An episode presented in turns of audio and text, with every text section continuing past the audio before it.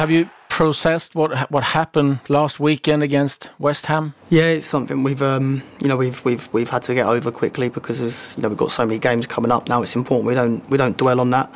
Um, it's obviously something that we need to look at at some point and, and debrief and ana- analyse at some point when we get time. But for now, we've had to you know put it to the back of our heads and.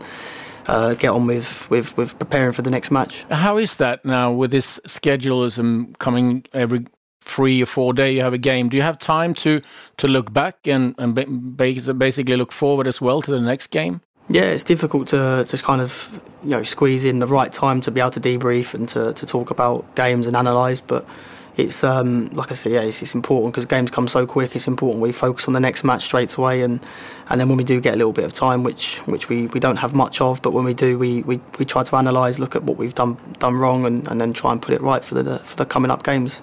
What have you make of the start of your season so far? Uh, it's been it's been you know positive in some aspect. You know, there's probably games where we where we should have uh, we should have killed the game to bed. You know, West Ham being one of them. Again, Newcastle as well. Another game where we should have we should have come away with three points. But you know, if we look at it from a from an outside perspective, it's it's been tough. We've had a lot of games, especially in the Europa League in the in the three build up games before the, the group stage. It's been a, a lot of football and a lot of travelling, and um, I think we can look at it in, in a positive manner are you starting to feel that the team is starting to gel because there was a, quite a lot of new players coming in this summer and a short, short period to prepare for this season? Yeah, I mean it's going to take time to get everybody, you know, to gel together. It's the the, the window only closed, uh, I think, a couple of weeks ago, so there's still um, a lot of new boys still trying to settle in, you know, learn the language and, and sort of understand the manager's uh, tactics and what he wants us to do. But um, you know, it takes time for players to gel in and, and, and start to get to, to understand in Tottenham and play in the way that the manager wants us to play. And, and, and you know, it's only a matter of time before everybody understands that. And, and um, but yeah, it's been it's been positive so far in training. We saw an interview um, a while ago where uh, Harry Redknapp, a former uh, Tottenham manager, said, "Well, thought that you were title contenders with the with the depth you, uh, and the quality you added this summer." Do, do you agree with that? We go into every game preparing, you know, ourselves to try and do the best in every competition, and the Premier League is definitely one that we want to that we want to win and take serious as well. But it's you know it's still early, it's still early to to say and, and to you know to, to, to put ourselves in that category. You know we take it game by game. It's important that we just uh, we focus on winning whatever matches in front of us and um, and not looking too far into the future. We'll see what happens by by the end of the season. Obviously, one player uh, get a lot of um, um, headlines is uh, Gareth Bale. What's the impression of him so far? He's been yeah he's been excellent since he's come in. You know his his his attitude, his work rate. You know the way he is as a person. He's been phenomenal since he's come in, and um, I think everybody's uh, you know pleased to have a player of his quality with us. And and um, yeah, he's just an all round top player and, and, and, and nice guy as well. Give it a lot of uh, is is giving the, the squad a lot of boost when when a player of his quality arrives to the team. Yeah, of course it does. Yeah, he's, you know when when someone comes from Real Madrid with all the the accolades he's won and what he's done for the for the for the club is when he t- comes to Tottenham. Of course, he's a, he's going to be a massive boost, and he's a he's a top player, and um, it's uh, it's he's going to be a great acquisition for us, especially going forward in in um, in when we've got so many games coming. He's a he's a great player to have in in the squad. I'm a bit curious. I mean, uh, you you have um, have had uh, Jose Mourinho for a little while now. You obviously knew about him. Um, he's been uh, been around for a while. How has it been to to work with Mourinho? Has it been what you expected? I mean, I didn't really have any expectations of, of the gaffer anyway, because you know what you read and hear is, is is usually wrong most of the time anyway. But since he's come in, he's been he's been um, he's been excellent. You know, he's he's uh, he's kind of lifted the mood a lot, and, and, and he's got us um, you know having a bit of a feel good factor back in the club, which was what we probably needed. But you know, it's at the point now where where he, he he's he knows he that we need to win games. He needs to you know the importance of, of winning is, is massive and you know titles and, and trophies is what we all want, want to achieve and it's what we set out as our goals at the beginning of the season. And um, yeah it's, it's something that we're all going to try and strive to get to, to do. What is his biggest strength do you think? Um, I just, he's a he's a he's just a very nice guy you know he's someone you can you can talk to he's approachable and if um, if there's any issues on the pitch or if you have any problems I feel you know you, you can go and speak to the manager and he'll be honest and, and, and tell you what he thinks and um, I think that's a, that's a quality that a manager should have. Has it changed a lot um, the way you play, the way you train um, as a team?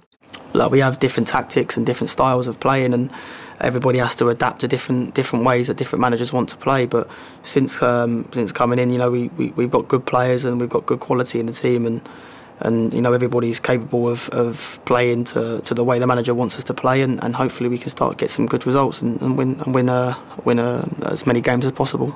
And you, has your role changed anything um, during his time with the club? Look, my role is my role at the club is the same as it is with any manager. You know, my role is to is to, to do what the manager wants me to do, whether that's this manager, the the previous manager, whoever the manager is. My role is to, to do what the manager asks of and and to um, to work as hard as I can for the team, and that's and that's exactly what I do. Is it something you want to add to to your game that you've been thinking uh, prior to this season? Like, I want to do this more. Uh, um, some details. Not particularly. No, I just you know I go in, into every season and I just want to I want to play as well as I can when I get the opportunity, and I want to stay in the team, and I want to and I want to um, be part of a winning team. And the manager's messages are always the same: it's to go out and it's to win, and do, do whatever means necessary to win. And um, I think that's the focus and the mentality of the whole squad is, is do whatever we can to win. Sista anfallet i matchen kanske. Blir det Spurs? Ska det ge någonting? Nkodu. Lyftningen in i mitten. Mål! Winks! Det är 2-1 Tottenham! Scoring some more goals? Listen, it's always nice to score goals, but it's not the uh, it's not the pressure I put on myself because you know I'm, i know my role in the team and I haven't got the the, the, the pressure of having to score goals. I'm not I'm not the forward players, so um, of course it's something I want to do, but it's not the pressure I put on myself. I was thinking about. It. I mean, as a midfielder, um, it must be great to have a front three with Kane, Son, and and uh, and, and Bale to try to serve. Yeah, but you know, not just them three. They are top players, of course, but we've got so many other good attacking players as well who, when they get the opportunity, are just um, are just as clinical and as lethal as well. You know, of course, Harry and Sonny have been phenomenal this season, and but it's important that we don't forget the other players as well because you know they've um, you know they're just as they're just as important and key to this team as as, as Harry and Sonny. Burnley away, waiting, uh, tough game at uh, Turf Moor. Uh, what is the hardest part to play team a team like Burnley? well, you know it's going to be a fight. You know it's going to be a game where they're going to try and bully you, and it's um, it's always going to be a tough game to play. But if we go there with the right mentality and, and, and we match that, then then we like to believe our quality will, will, will take over and we can we can win the game. But if you if you don't go into these games with the right mentality, then it's always going to be a difficult game and you can always lose. Is that? Uh, hard game to to is, is that one of the hardest games to go is like you know he's gonna 90 minutes of fighting yeah it's difficult it's, it's a different game compared to to other teams that you play against. But there's no easy games in the Premier League now. Every game has its own difficulties and its own challenges. And you know, Burnley, we know what we're going to get from them, and it's um, and it's you know it's credit to them. They've been so well. They've done so well in the Premier League the, the last few years. So that's their strength, and, and it's important we respect that. But when we go there, it's important we try and we try and match that, and, and, and hopefully we can get the win. What do you say about the start of the season so far? I mean, we see Aston Villa, Everton doing really great. Uh, Man City has a bit of a problem. This is like a lot of teams, and a lot of results uh, that is hard to predict. Yeah, that seems like the theme of the season so far has been a lot of um, strange results and ones that people probably wouldn't have necessarily thought would happen. But you know, it's still it's still early uh, early doors. You know, the games of, of we've sort of got so many matches still to come. Um, it's important that people don't get too too carried away with the results for now because um, you know we're not even at Christmas. So when we get past Christmas, when when when games start to level out and, and teams start to find a bit of uh, rhythm, that's when it's probably best to start looking at at the season and, and starting to make its judgments. What surprised you most so far in this season? Surprised me. There's been a lot. Some of the results, I guess, you know, some of the high scoring results has probably been the most um, surprising because there's you know there's been some some big teams that that have conceded a lot of goals and that you wouldn't have expected to happen, but. Um, that's the Premier League and, and that's football. It's, it's always a surprising. There's always a surprising result around the corner.